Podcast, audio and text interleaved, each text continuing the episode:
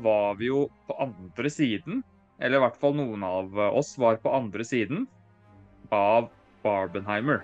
Velkommen til episode 15 av Filmnytt. Og nå er vi jo både i podkastformat på Spotify og en rekke andre podkasttjenester, i tillegg til å fortsatt være på YouTube.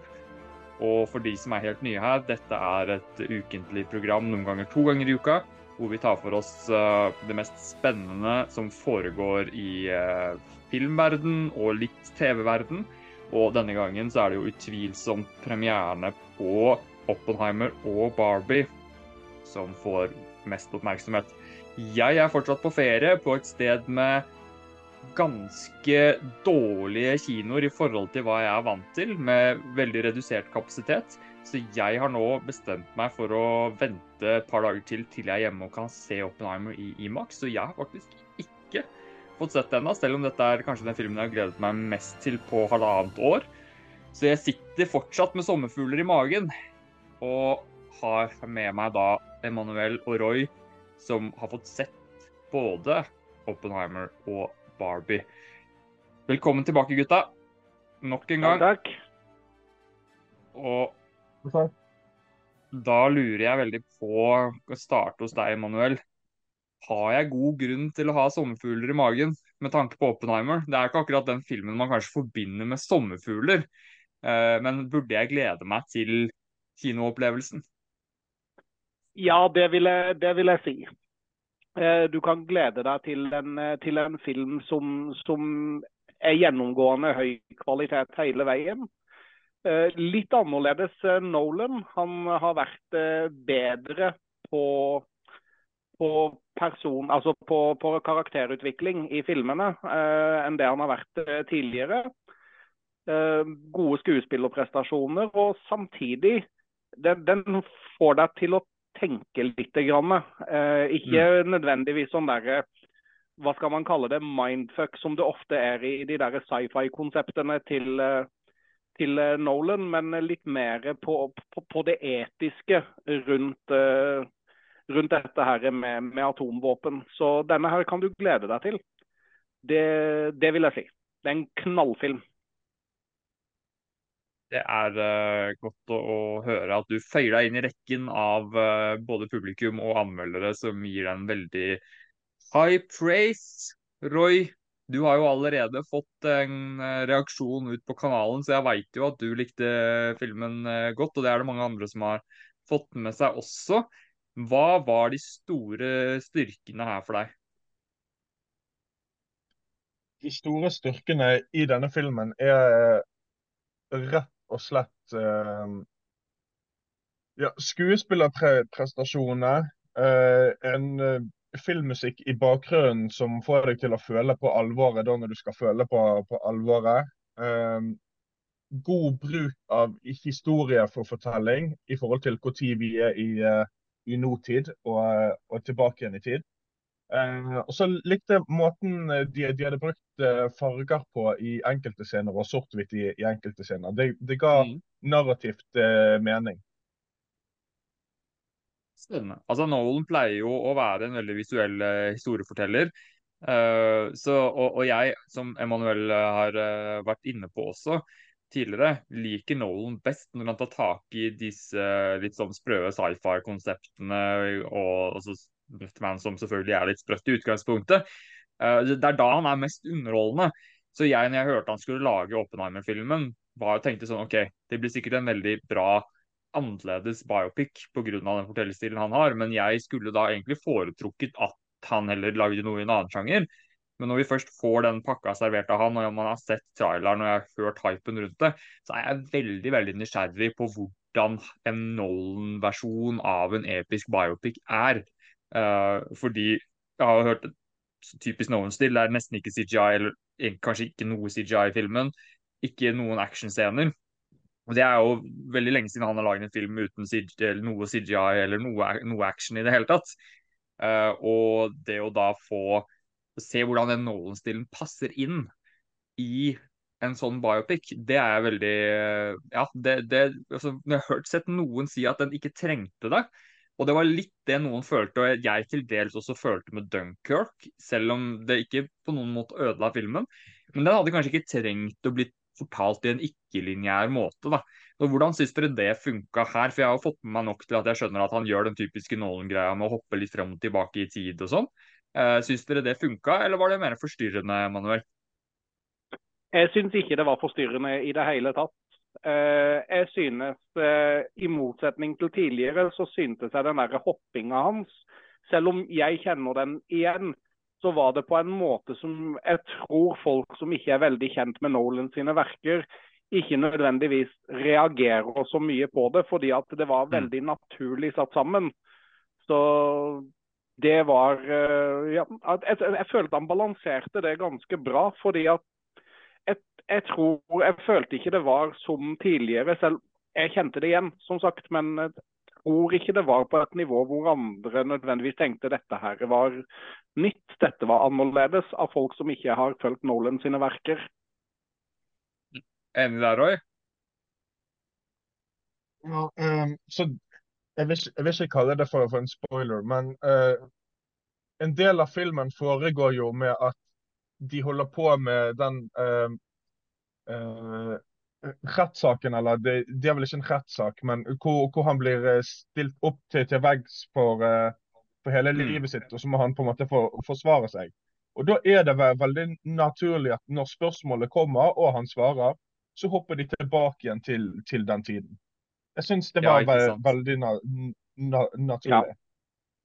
Ja, nei, det, Hvis det er den vinklinga de tar, det hørtes for meg veldig, ja, veldig naturlig ut, som du sier. Eh, så et par kommentarer på Facebook hvor, folk, hvor noen virka litt sånn frustrerte over det, men det, det, virker jo ikke som det er Det har ikke vært noe gjennomgående klage i noen av anmeldelsene jeg har lest eller noe sånt tidligere.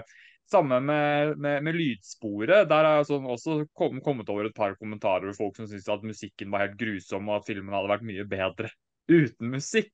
Det tviler jeg veldig på at jeg kommer til å dele syn på. For jeg, en av de tingene jeg alltid har likt mest med Nolan, er jo den kombinasjonen av bilder og musikk som jeg syns han alltid gjør utrolig bra. Jeg husker også når jeg satt på kino og så Dunkerque. Selvfølgelig, det er andre filmer hvor lydsporet og musikken har vært bedre enn Dunkerque, men det var en film som var veldig avhengig av bruken av lyd og bruken av musikk for å bygge tension. Og da husker jeg at når jeg og en kompis var ferdig med filmen, og det var jo en veldig sånn intens film, kort film til Nolan å være, Uh, og jeg satt der og liksom følte på den opplevelsen og, og følte at oi, her var, det her var intenst, det her var kult, og lyden og musikken var mye av grunnen til det. Så var det noen som satt ved siden av oss, som reiste seg opp og bare sånn ja, Lydsporet var helt forferdelig. Det var helt grusomt. Og jeg bare Hæ, hvilken film er det dere har sett? Men det er tydeligvis noen som har den reaksjonen på Nolan sine filmer. Én ting er den greia jeg har hørt noen klage over med, at, med, med, dialogen hans, at man noen ganger ikke kan forstå dialogen pga. lydmiksen. Men her, her, er det vel mer snakk om lydeffektene og musikken som enkelte For enkelte så bare blir det for mye. Uh, og da er jeg liksom nysgjerrig på Dere har vel nevnt begge to at teknisk så er det her veldig bra. Men Mare tar musikken isolert for seg, Han har gått bort fra Hans Zimmer nå andre filmen han bruker Ludvig uh, Göransson. Og er det oppe på nivå med soundtrack i tidligere Nolan-filmer? Emanuel? Ja, det vil jeg, det vil jeg si. Uh, jeg tror kanskje det er veldig, det er veldig strykertung musikk. Altså, han, det, mm. det, det, er strykermusikk han bruker.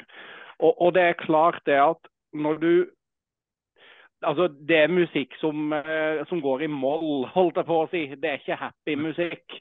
Uh, som litt sånn dystert. og kan, Jeg skjønner at det kanskje kan være i en sånn tung setting at det kanskje kan gjøre det litt tyngre for folk. Men for meg som hører musikk og lar musikken leve inn som en del av filmen, så kan jeg ikke se for meg at den filmen der hadde vært bedre uten musikken. Altså, det var en eh, det, det, det, det ga filmen mer nerve. Altså, Se for deg Schindlers liste uten den der triste fiolinmelodien. Det hadde ikke vært Schindlers liste. Nei. Så, så nei, eh, musikken var, eh, var glimrende. Jeg som selvfølgelig er blåser, skulle selvfølgelig ønske at han hadde funnet en måte å ta med, ta med noen blåsere på, men det var fint, det. Til å være bare strykere. Mm. Roy, er du, eh, er du, jeg husker ikke helt hvor inn du er i filmmusikk. Ja. Eh, jeg er jo kjempenerd på det. Eh, du, har du oversikt over composers og score og sånne ting? Ja, noen. Altså, det, det, går jo for det meste altså, Skal jeg nevne folk, så stopper det kanskje på fire stykker. Men jeg vet, jeg vet, om noen. Han Ludvig Göransson eh, vi, visste jeg om fra, fra før. Um, og så husker jeg at det var en som, som sa til meg en gang at hvis en, hvis en filmkomponist lar på deg til ikke å tenke på musikken mens du ser filmen, så har de gjort jobben rett. For da virker det na naturlig. da. Og mm. Det er litt sånn jeg, jeg, jeg sitter igjen med. Det, det, her er ikke filmmusikken du kommer til å nynne da når du går ut av kinosalen. Nei. Men, men det, det, føltes veldig na naturlig. Og det ga deg den, den nerven, eh, kanskje spe, spesielt eh, i det de, de, holder på med, med selve prosjektet da, ute i ørkenen. Mm. Ja, og den der, eh, akkurat den greia der med at du helt ikke skal legge merke til musikken, den har jeg også hørt mange ganger. og det er, det er, Jeg føler at det er veldig sant, men det er også veldig ikke sant. fordi det kommer helt an på mm. hvor oppmerksom du er på det. For jeg går ofte inn i sånne filmer og gleder meg til å høre hvor bra musikken er. Og da hører jeg jo etter, da tenker jeg på ok, hvordan er musikken nå? Uh, spesielt med de komposerne jeg er veldig glad i, med Hans Zimmer, John Williams og, og litt Luke Göransson også. Så jeg, for meg, ville aldri kunne gå inn i den filmen her, en Nolan-film, uten å sitte og prøve å tenke over musikken. Så for meg så er det rett og slett ikke mulig. Men i veldig mange andre filmer, uh, da er jo det mye vanligere at musikken bare sklir inn, og du helt ikke skal legge så mye merke til det. Skal bare bygge opp under eh, stemninga. da. Eh, men eh, ja, jeg hadde ikke sett for meg at Oppenheimer hadde et score som du ville gå og nyne så veldig på etterpå. Eh, jeg tror liksom ikke det. Det var mer eh, Batman eh, og kanskje Inception.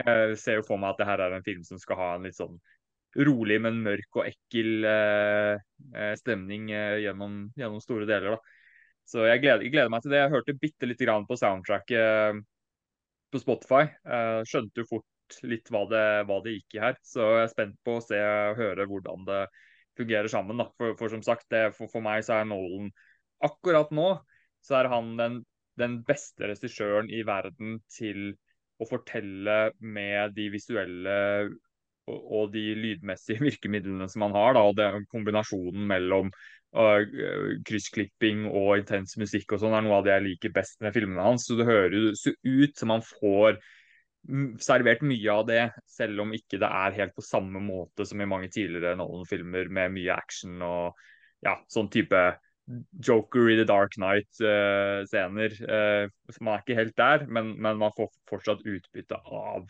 Nolan sin klassiske fortellerstil. Da. Og det gleder jeg meg veldig til å se på det største lerretet man kan i Norge når jeg kommer tilbake til Oslo. Roy rekker opp hånda. Jeg har en, en liten spådom. Okay. Det er at eh, Oppenheimer kommer til å være den filmen som har flest Oscar-nominasjoner når Oscaren kommer. Ja, det tror jeg Altså, nå, det alltid, kommer alltid noen overraskelser. Men i og med at den allerede nå er, virker som en bra contender til både beste mannlige hovedrolle og beste mannlige birolle, kanskje, sånn som jeg har skjønt det med Robert Downey jr. Og så ja. sannsynligvis beste film, kanskje fort beste regi. Eh, selv om den er kanskje litt mer usikker, så virker jo det sannsynlig. beste beste adapterte manus er jeg litt mer usikker på, men uh, kan jo være det òg. Og så har du alle de tekniske kategoriene, da.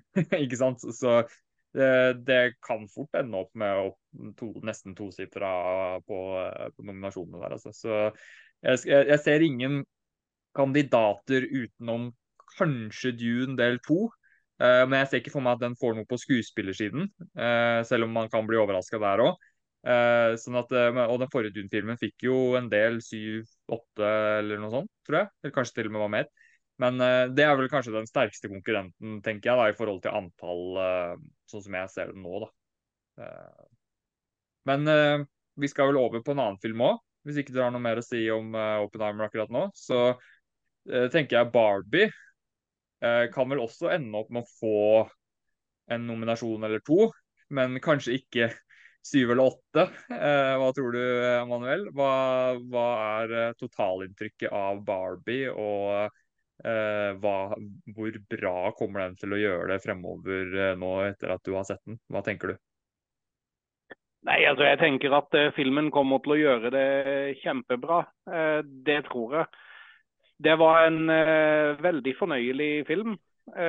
Det må, det, må, jeg si. Det var Hva skal man si, da? Altså, den tar Det, det setter veldig fokus på kjønnsroller, dette mm. her. og hvordan hvordan ting er og hvordan ting skal være. Og, og det, er, det, er, mye av det der som en tror kanskje skal være litt sånn fjollete i starten. Uh, men så er det jo egentlig Det er jo, det er jo ment som ironi. Det, dette, dette, her jo, dette, her er jo, helt klart en satire. Og skal man få et utbytte av det, så må man skjønne det og ta det for hva det er. Det er en satire. Og det var, det var, en, det var, det var en, kjempefin film. Eh, må si jeg foretrakk Oppenheimer, jeg gjorde det. Eh, men eh, absolutt en eh, film man ikke skal undervurdere dette her. Det, det, det vil jeg si. Så ja. Veldig positivt overraska. Ja, Roy, du har jo også gitt ut en reaksjon av den filmen. Så du sa Klink 7,1. For meg så er jo det en ganske, ganske solid uh, score. og Du sa jo også at det var veldig, veldig gøy, men at det var noen svakheter uh, her for deg. Hva, hvilke svakheter var det? Jo, altså I, i forhold til dybde, uh, så blir alle mennene i den virkelige verden framstilt som at alle er fire år gamle mentalt sett da, i, i hodet. noe som jeg syns jeg, jeg, tror at det hadde vært gøy hvis det var Will, Will Ferrell sin, rolle, og det stoppet litt der, og du hadde også andre menn som faktisk var oppegående. Eh, men det, det, var liksom all, all, alle sammen. Og så skjønner jeg på en måte at hele det her opp, opplegget med at eh, man skal fra fremstå det som at menn i den virkelige verden kanskje har fått ting litt på sølvfat i forhold til damene. og jeg, jeg, skjønner det poenget, men for meg så ble det litt uh, det ble litt uh, Hva, hva man skal si uh, Litt sli, top, slitsomt i, i, litt sli, slitsomt i, i lengden. Um, mm. og, så, og så hadde jeg egentlig forventet at filmen skulle være litt dypere enn det han var. Um, for jeg, eh, jeg opplevde det her egentlig noe mer som en slags fornøyelig, gøy film hvor hvis den hadde vært dubbet til norsk, så hadde jeg sagt at det, dette er en fa familiefilm. Mm. OK. Altså den er ikke så voksen i, uh, i det grafiske og, og språket og sånn som man kanskje ville tro, da. Ut fra ting jeg har hørt, i hvert fall, så tenkte jeg at det skulle være en film for 15 oppover. Jeg. Altså, det er jo litt, eh, det er jo litt uh, referanser til kjønnsorganer og litt sånn i den filmen der. Og det gjøres mm. jo et poeng ut av at de ikke har kjønnsorganer. Ja. Uh, men språkmessig, ja Det var, et, det var en F-bombe som ble blippa mens en Mattel-logo kom uh, over munnen til dama som sa det. Ellers så var språket helt, helt moderat. Men ja, den har sine svakheter, denne filmen, som Roy påpeker. Og en av de store svakhetene er jo det at de rører bare litt i overflaten på den der tematikken som de prøver å ta opp her. Det, så det, det, det, er bare litt, det er litt på, over, litt på overflaten. De klarer ikke å komme helt til bunns på det. Og, og ta det helt innover seg og få det frem godt nok.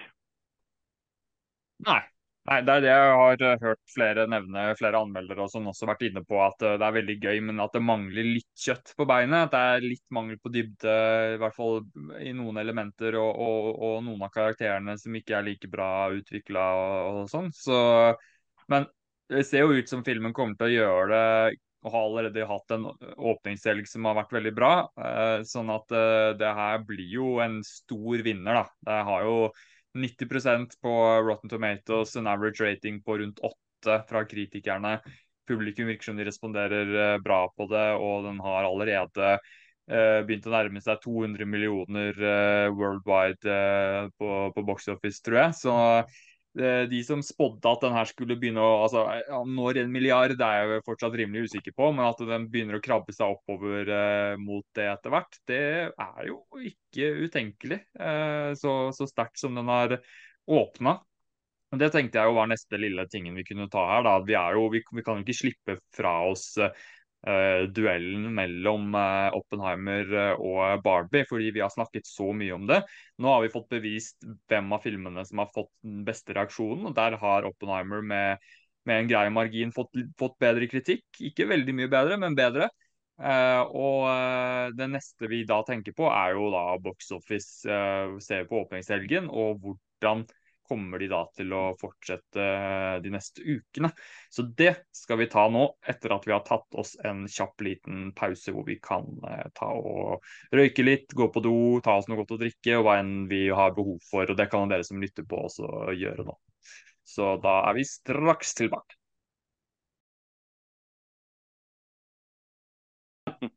Nå er vi i gang igjen, og vi fortsetter der vi slapp, med Box Office Oppenheimer, Barbie. Det er kjempebra for uh, kinobransjen at vi får så store, populære filmer som massene går til kinoen for å se. Uh, og det er veldig bra at det er to filmer som ikke er superheltfilmer, selv om vi er veldig glad i de. Så er det fint å se at folk går til kinoen for å se andre ting også. Det varmer sikkert Martin Scorsese sitt uh, hjerte, tenker jeg da. Og vi fikk jo nå, som forventa, ganske mye sterkere åpning for Barbie enn vi fikk for Oppenheimer. Uh, men Oppenheimer har også gjort det veldig bra. Satt Imax-rekorder uh, verden over. Og har begynt å nærme seg uh, har vel, har vel, Lurer på om den har landet nå på rundt 100 millioner worldwide de første tre dagene. som er kjempe, kjempebra. Og kommer sannsynligvis til å krabbe seg oppover mot uh, i hvert fall en halv milliard. Uh, og vi har jo alle spådd at, at, den skulle komme over det. Uh, og at Barbie skulle komme I hvert fall noen av oss spådde at den skulle komme ikke helt opp mot en milliard. jeg tror vi fortsatt det, etter å ha sett de første åpningstallene og har sett, eller dere to i hvert fall, har sett filmene, da. Er, er vi, står vi innenfor de spådommene vi hadde sist? Emanuel? Ja, jeg tror at eh, Barbie kan eh, nærme seg milliardene. Basert på, eh, basert på Ja, når jeg ser hvor mange som løper til kinoene for å, for å se den. Basert på stemninga i kinosalen blant de den virkelig traff, så, så, tror jeg den kan nærme seg Jeg tror den kan nærme seg en milliard. Jeg tror det. Men jeg tror ikke, jeg tror ikke den slår Mario i år, det tror jeg ikke. Men jeg tror den kan nærme seg en milliard. Mm. Roy, du var litt mer beskjeden enn Emanuel, men du spådde veldig høye tall på, på Barbie og for så vidt Oppenheimer òg. Ja, jeg, jeg, tror at uh, Barbie kan, uh, kan, klare det. Um, selv om vi i sted var eh, snakket om på en måte feilet, eller hva man skal kalle det, om bar Barbie, da, så tror jeg at den kommer til å tjene grisemye penger basert på humoren eh, og det fjasete. For, for det, det, fungerer i aller høy, høyeste grad. Eh, sånn at eh, jeg tror nok at det er en del folk der ute, kanskje også vennegjenger som ser den én gang og tenker at denne her var gøy, denne har vi lyst til å se om igjen. Ehm, jeg tror at du skal være et spesiell type menneske for at Oppenheimer skal ha samme form for, ehm, for eh, tiltrekningskraft tilbake igjen til en gang nummer to eller tre. Da er jeg sikkert ganske mm. spesiell. Ja, for jeg, kan, jeg, ser for meg at jeg kommer til å ha lyst til å se Oppenheimer eh, mer enn én en gang, men ikke, ikke, Barbie, tror jeg. Eh, eller det kan være at jeg tar feil, selvfølgelig.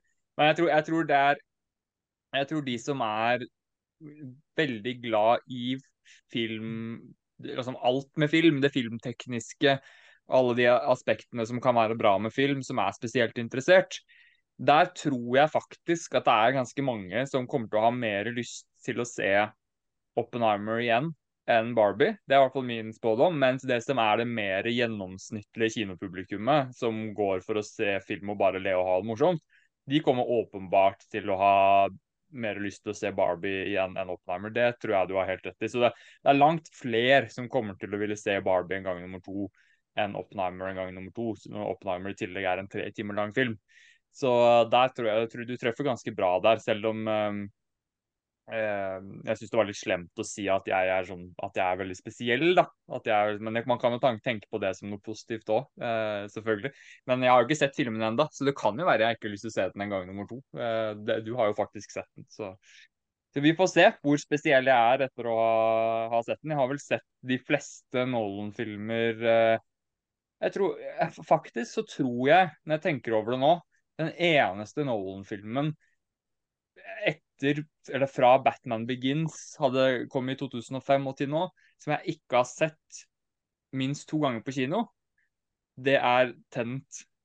Den så jeg bare én gang på kino. Uh, så jeg tror det, er ganske, ganske lave odds for at jeg ser Oppenheimer mer enn én en gang, faktisk. Så selv om den er tre timer nå.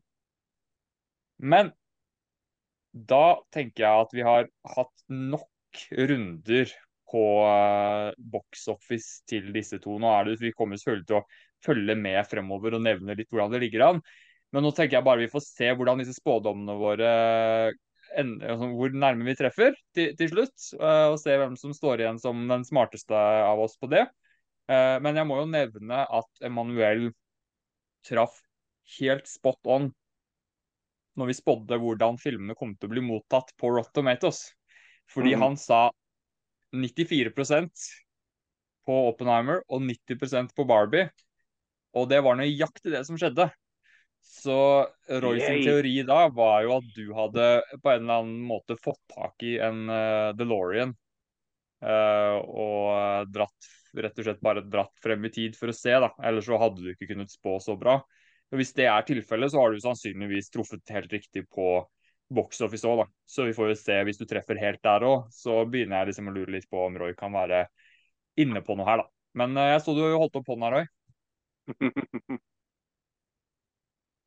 Ja, bare sånn te teknisk spørsmål i, i forhold til, uh, til uh, de spådommene som vi har kommet med. Uh, teller vi domestic box office da, eller worldwide? Det er åpenbart worldwide. Altså, det, er jo, det, er jo, ingen i verden som tenker altså, Jeg håper ikke noen tror at Barbie kommer til å tjene opp mot en milliard i USA. Fordi det er det jo ingen filmer som har gjort noensinne, utenom The Force Awakens var vel litt inne på det, men utenom det så er det vel ikke Det skjer jo ikke. Så det, det jeg håper jo innmari at, jeg håper jo virkelig at vi snakket om worldwide. ellers, så, ja. ellers så er dere spikspenna gærne.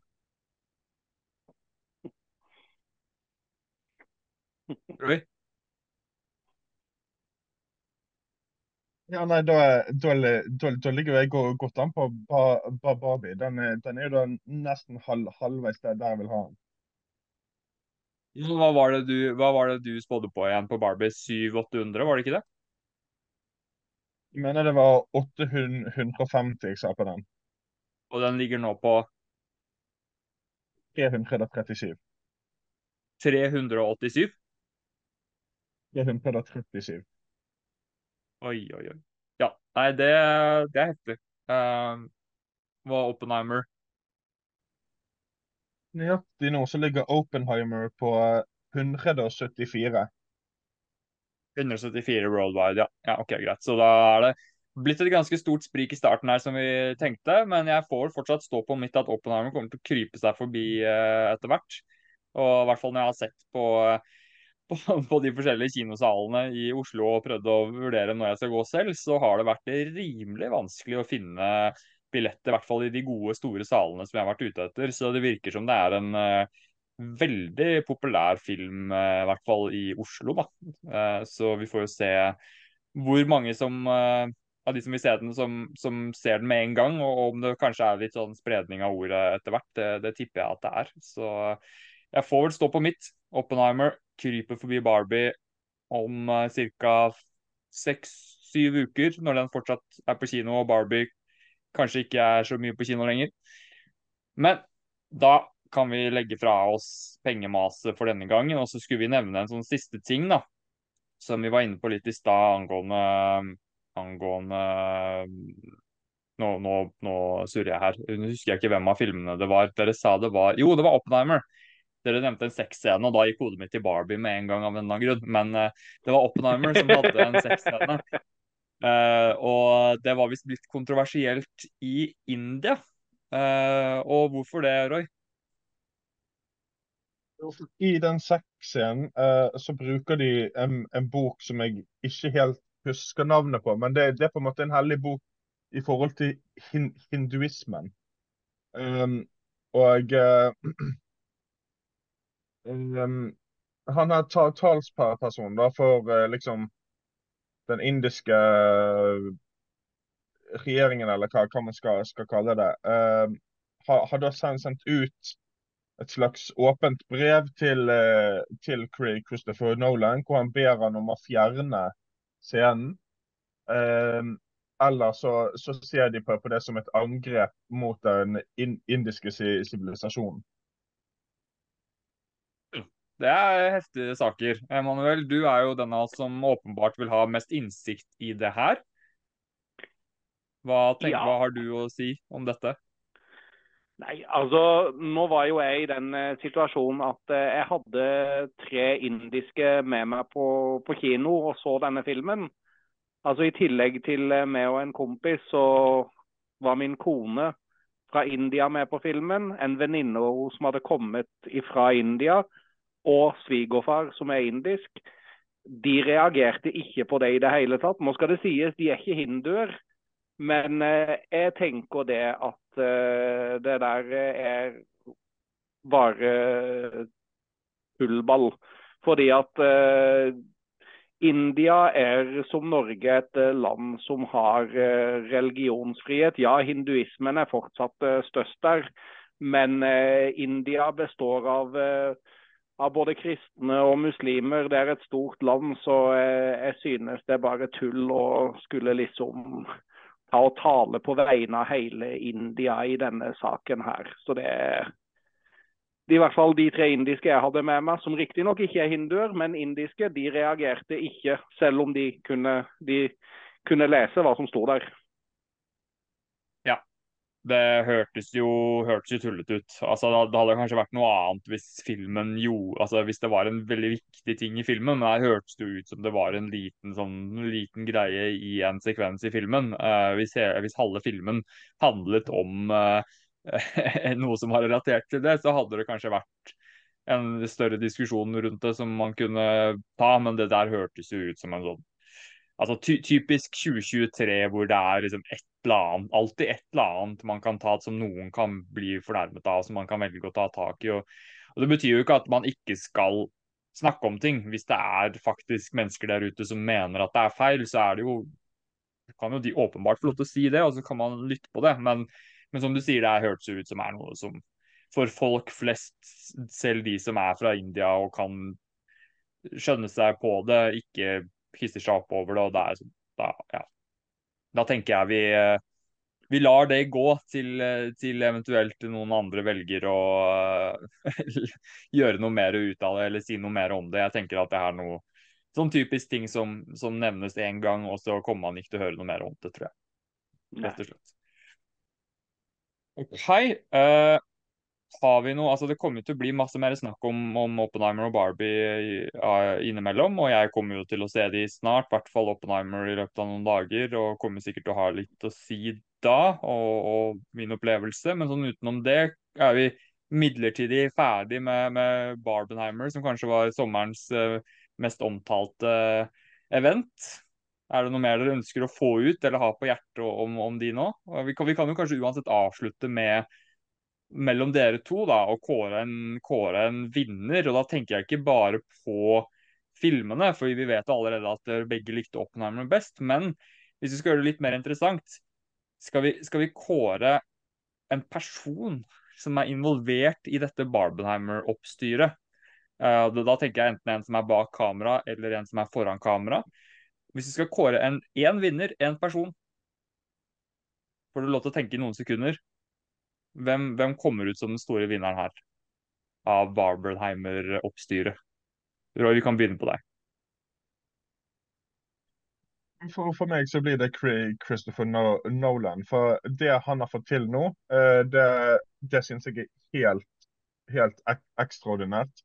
Og det, det er kommende fra en person som gjentatte ganger har, har sagt at, uh, at, at, jeg ikke liker alt, alt av han. Her, her, så har han truffet gullegget.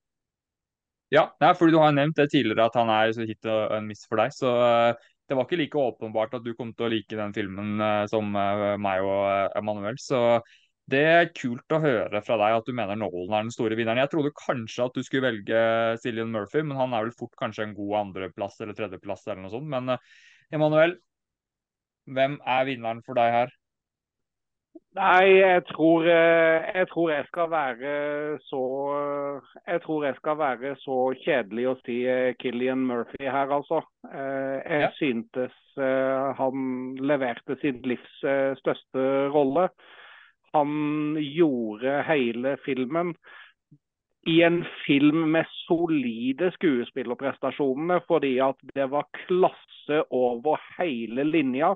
Og det å skinne igjennom sterkest som den største stjerna blant Matt Damon og Emily Blunt og Robert Downey jr. og han derre Bohemian Rami et eller annet. Og allikevel, når man ikke er så stort navn i utgangspunktet å skinne igjennom, da, da, er min, da, er han min, vinner. Så jeg sier Killian Murphy. Hvis Oscar-utdelingen hadde vært i morgen, hadde han vunnet Oscar for beste mannlige hovedrolle? Eller er, har vi hatt tidligere i år noen andre som er uh, oppe på samme nivå, Roy? Jeg mener han, han, han hadde vunnet. Eh, eller um, The Whale, var, var, var, det fra i fjor? Eller var det fra Ja, han vant jo. Han vant, han vant jo. Mm. Stemmer det. Eh, da, da, er, da, er, det Cecilien Murphy som stikker av med den så langt. Mm. Så får vi se, da, fordi Oscarsesongen er jo ikke ordentlig i gang. Så det kommer vel noen sterke kandidater utover eh, høsten, eh, tenker jeg. Blant annet en film fra Martin Scorsese som fort kan ha noen veldig solide prestasjoner, den også, tenker jeg. Så vi får telle opp igjen når vi nærmer oss jul. Mm, og så blir vel det noe vi fort kan lage noen uh... Ja, og uh, Roy han uh, vant jo en liten contest her for litt siden. hva var det du vant igjen, Roy? Jeg husker jo det, men du kan få lov til å si det selv. Jo, på, når, vi, når vi hadde om om guilty pleasures, så vant jeg med, med klei, kleineste. Um, du hadde den kleineste lista med hva var det? Jo, vi, vi, hadde jo blant annet Paradise Hotel på den. Um, og uh, og the, the One-Eyed Monster, som, som, handler om pikken til Run, Run Jeremy. Men um, på, på, grunn av det, det her, da, så, så, så fikk jo jeg lov, lov å, å, komme med denne listen, som eh, da var uh, Jimmy Fox. Uh, skrev egentlig roller, men jeg lurer på om vi har landet på filmer. Ja, jeg har i hvert fall bare tenkt filmer, ja. Men uh, han har vel vært inn noe, i noen serier òg. Men uh, jeg har bare tatt utgangspunkt i uh, filmene hans. Det, men det får jo dere, hvis man har gjort noe annet, så er jo ikke det noe krise.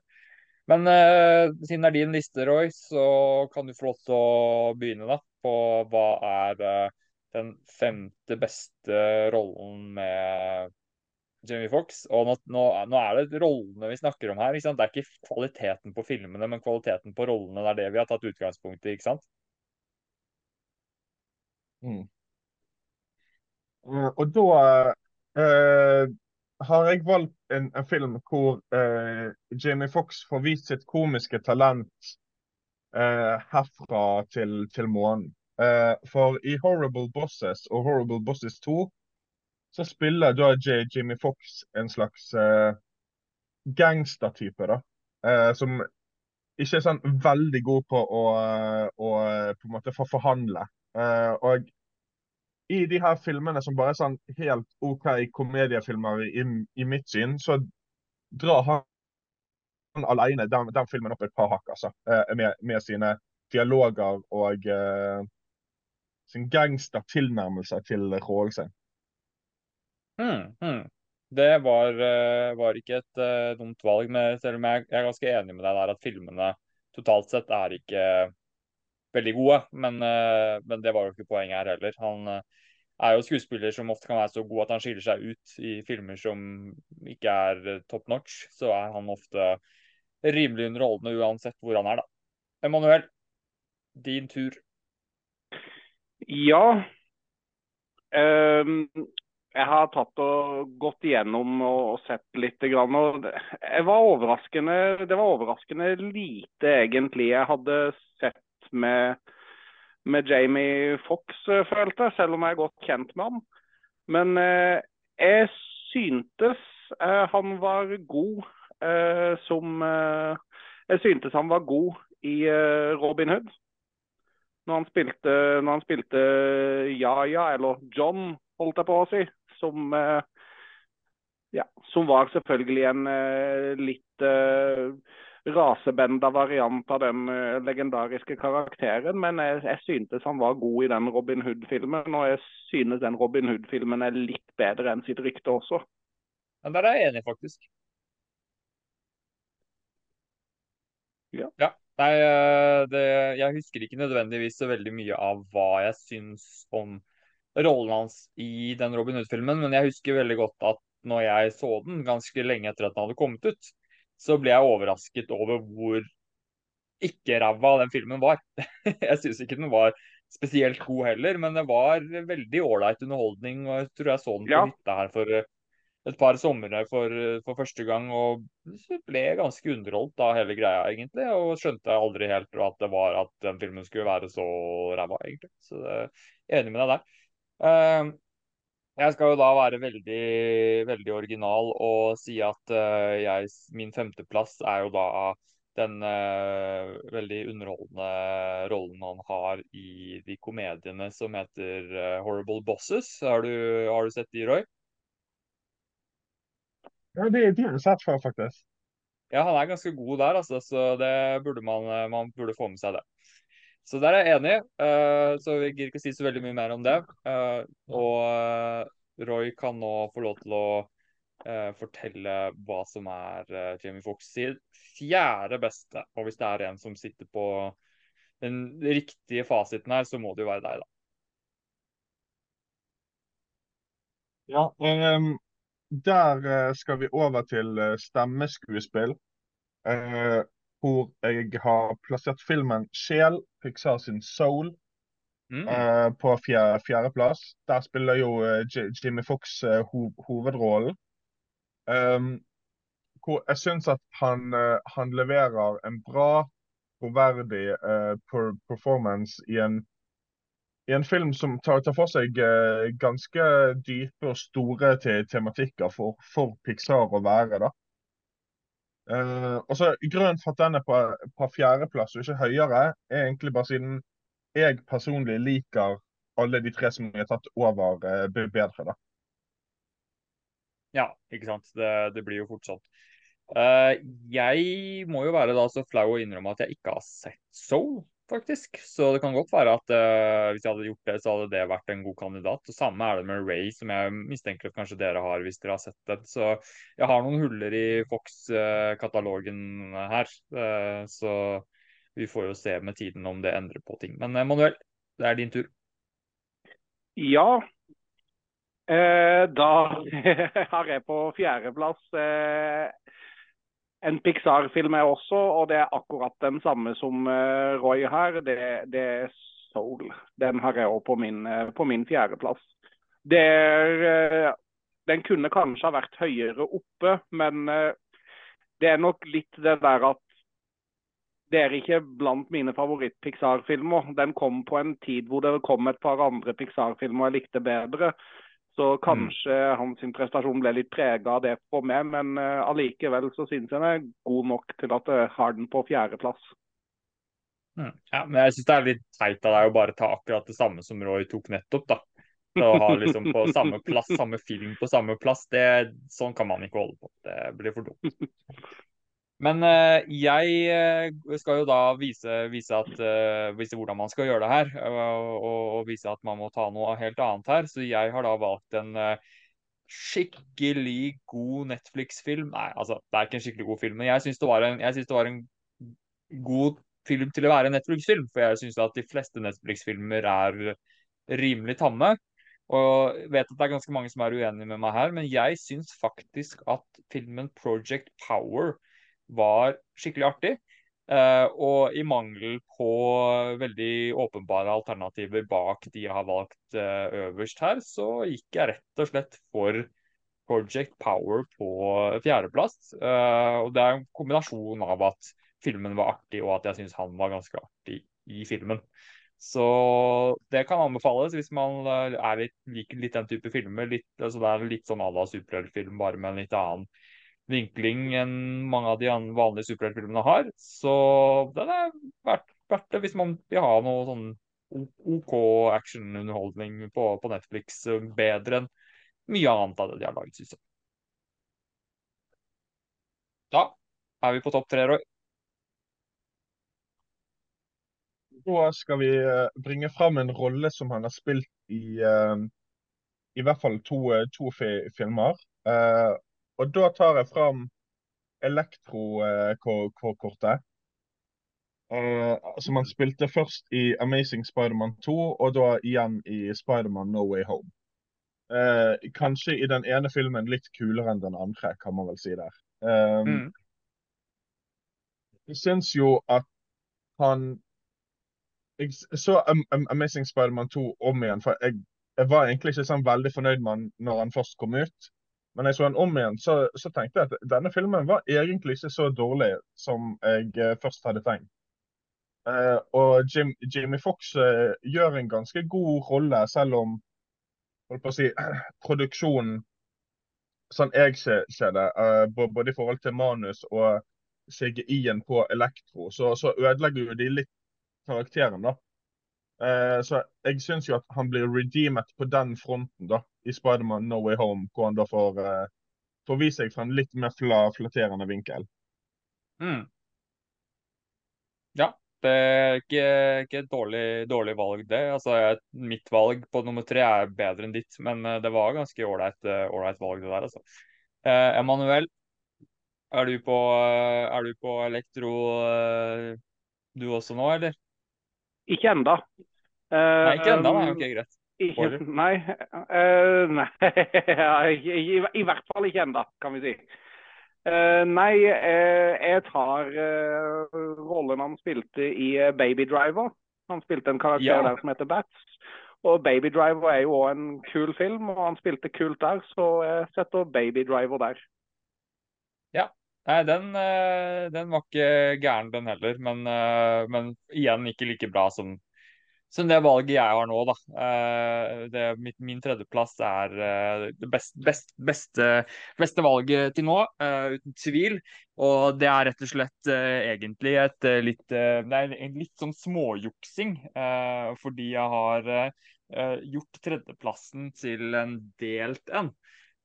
fordi jeg kom på en film etter at vi hadde begynt å spille inn her. Så, så kreativ var jeg. Så da tenkte jeg ok, nå har jeg seks filmer her så da må det bli uavgjort mellom to av de. Og uh, da sier jeg rett og slett at tredjeplassen til Jamie Fox er uavgjort mellom rollen hans som Elektro, mest basert på Spiderman No Way Home, og rollen hans i Baby Driver. Uh, så det, det, er det riktige valget her, og bedre enn en hva dere kommer, faktisk. Så uh, uavgjort der. Og så får vi se hva som står igjen på uh, topp to, om det blir noen crossovers, eh, altså om, om, vi har noe av det samme der også. Men uh, i hvert fall, da. Baby Driver, veldig kul film. Og han er veldig underholdende i den, sammen med John Ham og uh, Nå blanker jeg på navnet hans. Hva heter han hovedpersonen der igjen? Uh, Ansel L. Etgort. Og John Bernthal spiller i den. Hva heter han? Og nå står det helt stille her. Å, faen. Tenker du på Hang Tai? Oh, det, jeg blir så irritert når det er sånn rolle, skuespillere som jeg vet, vet veldig godt hvem er det hva heter, og så bare forsvinner ut av hodet. Ok, Men vi kan ikke bruke mer tid på det. Det var ikke egentlig viktig. Det er bare, det er bare sånn jeg, jeg får sånn henge på det når jeg ikke klarer å huske det. Eh, da går vi på Si Simpkins. Men bare, bare sånn for, for, min egen del. Uh, var det Ty, ja. Ty Simpkins, altså han fra West Side Story? Ty Sim nei, nei, altså han, var, nei, han som spiller hovedrollen i Baby Driver. Det er ikke Ty Simpkins. Ansel Etcourt. Ja! Ansel Etcourt heter han. Ja. Der, vet du. Bra, Emanuel. Nå kan jeg puste. Ja, da fikk vi den på plass. OK. Roy, nummer to. Da skal vi uh, til Ville Ville Vesten. Uh, og da tror jeg alle vet hva, hva film vi snakker om. Uh, vi skal jo så klart til Django Unchained. hvor vår kjære Jimmy Fox da spiller uh, tittelrollen Django. og dette var jo kanskje en film hvor jeg fikk litt opp øynene for at Jamie Fox er ganske Hva man skal si um, det, det, engelske ordet hadde vært diverse i, um, i valgene sine. Uh, eller rolle som man tar. tar da. Uh, for det, dette her uh, er jo ikke en rolle som på en måte hvem som helst kunne, kunne spilt. Jeg vet at, at egentlig så, så, skulle han originalt gå, gå til Will, Will Smith. Mm. Eh, veldig glad for at han heller gikk til J. Jimmy Fox. Eh, det må jeg si. Og så er det jo så kult at han, han repriser rollen om igjen i A, A Million Ways to, to, Die in the West, som da er Seth MacFarlane sin westernkomedie. Ja, det er min førsteplass, forresten. Den, at bare, bare, den versjonen av karakteren som er i den filmen, er min førsteplass. Nei da. Uh, ja, den eh, var jo, altså den måtte jo nesten være med, da. Etter, hvis ikke Manuel har den, så er det et eller annet gærent med han. Eh, så vi regner med at den dukker opp her nå på, uh, på de to øverste. Ikke? Nei, I alle det, dager. Og da lurer jeg på hva du har spist til middag, men OK. Hva er din nummer to? Du, nummer to så vil jeg trekke han frem som, som elektro. Eh, da basert mest på hvordan han fremstilte karakteren i No Way Home og ikke i Amazing mm. Spiderman 2. Jeg syntes ja. Eh, ja. Jeg syntes han var veldig underholdende, underholdende, der, og jeg syntes han var med på å gjøre filmen bedre, sammen med alle de andre som kom tilbake fra gamle filmer for å gjøre filmen bedre. Ja, det, der kunne jeg ikke vært mer eh, enig med deg der. og denne gangen så kan jeg jo ikke kopiere, kopiere deg, eh, fordi jeg har allerede brukt den filmen. Så her måtte jeg finne på noe selv på andreplassen. Og det er en film som, hvis vi hadde rangert dette etter hvor godt vi brukte filmene hans, så ville det vært vinneren. Eh, men det er jo rollen hans spesifikt vi tar tak i, og da tenker jeg på eh, en uh, taxisjåfør. Uh, han spiller, og skjønner dere hvilken uh, rolle, hvilken film jeg beveger meg inn på da? Nei? Ringer ingen bjeller? Den, ikke, ikke den Collateral? Collateral, det er helt riktig, med Tom Cruise, hvor Tom Cruise fort stjeler mye av oppmerksomheten i den filmen. I hvert fall når man tenker tilbake på skuespillerprestasjoner og sånn, fordi det var en mm. såpass unik rolle for Tom Cruise. Men jeg syns også Jamie Fox er veldig god i den filmen, og det er hele dynamikken mellom de to som gjør veldig mye av spenningen og nerven i den filmen. da. Så det, det syns jeg er en eh, kanskje en litt sånn undervurdert rolle av han. Jeg eh, tror, mener til og med å huske at han ble nominert for den filmen. Jeg lurer på om han ble nominert for den og Ray Charles-filmen samme år, eh, faktisk. Det kan være jeg tar feil, men jeg lurer på om han er en av de få skuespillerne gjennom tidene som har fått to nominasjoner uh, samme år. Uh, det kan vi ta og dobbeltsjekke, sånn at ikke jeg spyr ut feilinformasjon her.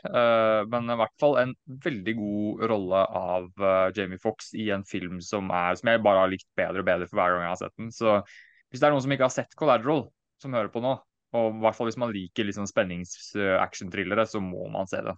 Roy, rekker du opp hånda?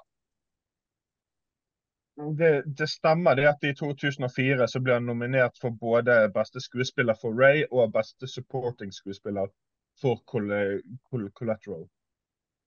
Ja, og det er litt spesielt egentlig, fordi jeg syns det er ganske åpenbart at han er protagonisten og hovedpersonen i Collateral. Uh, men altså Man kan jo komme med et argument for at Tom Cruise er hovedpersonen, men, men jeg, jeg, ser ikke helt den. Altså, Det blir litt det samme som å si at Kylo Ren er hovedpersonen i de nye Star Wars-filmene. For, fordi det handler mye om dynamikken mellom han og, og Ray-karakteren. Eh, men der tror jeg de har gjort den der klassiske med at de må putte han de, de, de skjønte sikkert at han kom til å bli nominert for Ray, så de valgte å putte han i den kategorien supporting actor for den filmen, for da hadde han en, en, eh, en, en sjanse. Da. Det har jeg sett skje i senere tid òg. Eh, ja, Roy? Jeg vil også bare nevne at dette har kun skjedd tolv ganger i uh, Oscar sin historie. Senest av ja. Scarlett Johansson i 2019 for uh, ja. 'Marriage Story' og, og Jojo Rabbit. Yep. Kult. Så han er inne på en ganske eksklusiv uh, liste der, da. Selv om jeg ikke helt skjønner uh, hvordan altså At man bare kan velge om en skuespiller er supporting eller, eller lead. Fordi det, det, har skjedd mange ganger, og han er åpenbart ikke en supporting actor, sånn som jeg ser det i Collateral. Uh, men uh, altså, rollen er jo like god uansett. Og man kan vel ikke følge reglene bli nominert for beste lead actor i to filmer, kanskje. Det er, det er mulig at det ikke går an, så det, det måtte kanskje bli sånn. Eller, eller har det skjedd? Det, det, er jo interessant. Du må sjekke er det noen som har blitt nominert for Best Leading Actor eller Actress i to filmer. Det er, det er faktisk Det har jeg aldri tenkt over før, om det har skjedd. Men uh, uansett så kan vi uh, bevege oss over på uh, nummer én. Og da kan vi snu på lista her, for jeg ser uansett at Roy driver og, og fact-sjekker noen greier for meg. Så, og han fortjener å avslutte her, siden det var hans idé til lista. Så jeg kjører først. Og min nummer én, det var uh, Roy sin uh, nummer to. Og der kjører jeg uh, Django. Og tulla selvfølgelig når jeg sa basert på Million Dollar Eller hva den ikke Million Dollar Baby, men Million Ways to Die in the West. og ja, du sa det, du. altså Det er jo en kjempekul, kjempeunderholdende rolle han, han gjør der i en, den, den Tarantino-filmen jeg kanskje liker best. Selv om jeg kan forstå noe av kritikken som enkelte har hatt mot filmen, og at han er litt sånn lener seg mye inn i en voldsgreia, hevn, hevntokten som skal bli underholdning ut av. At det ble, begynte å bli en trend for han etter Inglorious Bastards og Django. Så det er gjerne noe man kan kritisere og, og diskutere. Men jeg syns uansett at rollen til Jamie Fox var kjempebra og, og, kjempeunderholdende. Og de tar jo for seg viktige temaer i den filmen, selv om det kanskje kan virke litt banalt hvor blodig og, og brutalt de skal gjøre den siste akten i, i filmen der, da. Men uh, utenom det så er det Ja, jeg står for det. At jeg syns det er Tarantinos beste, mest underholdende film, og Jamie Fox sin beste rolle. Emanuel, du må forsvare etterpå hvorfor du ikke har med Django på lista her i det hele tatt. Uh, så nå lurer jeg veldig på hva som er din nummer én. Er det Ray? Ja. Nei, det er det ikke. Um, jeg syns det er fint å trekke frem at Jamie Fox er jo en veldig talentfull fyr som kan veldig mye. Han er jo mm. ikke bare en dyktig skuespiller, han er en ganske habil sanger og danser i tillegg. Åh, å ja, nå tror jeg jeg vet hvor vi skal. Ja. Og, og, du vet, eh, jeg har jo drevet har, Jeg kunne hatt med på den der Guilty Pleasure-lista forrige gang at jeg syns de der maskeprogrammene har vært uh, veldig gøy og sånn. Og han er jo den mest gjetta kjendisen i den amerikanske versjonen av Maskorama, fordi at han er så multitalented som det han er. Ja. Så jeg, jeg, vil trekke frem en film hvor han, han, spiller en karakter som baserer seg på Motown-gründeren Berry Gordy, men det er jo ikke, han spiller jo ikke han, han er bare inspirert av den karakteren. Og han, den karakteren han spiller, han gjør noe med sårbarheten til karakterene som Beyoncé og Jennifer Hudson spiller. Og jeg liker denne filmen veldig godt som musikal. Så jeg vil trekke frem den rollen han spiller i Dreamgirls på min førsteplass. Ja, det er et modig valg som uh, egentlig er passende, i og med at dette er en liste som er basert på den lista vi lagde om Guilty Pleasure-filmer.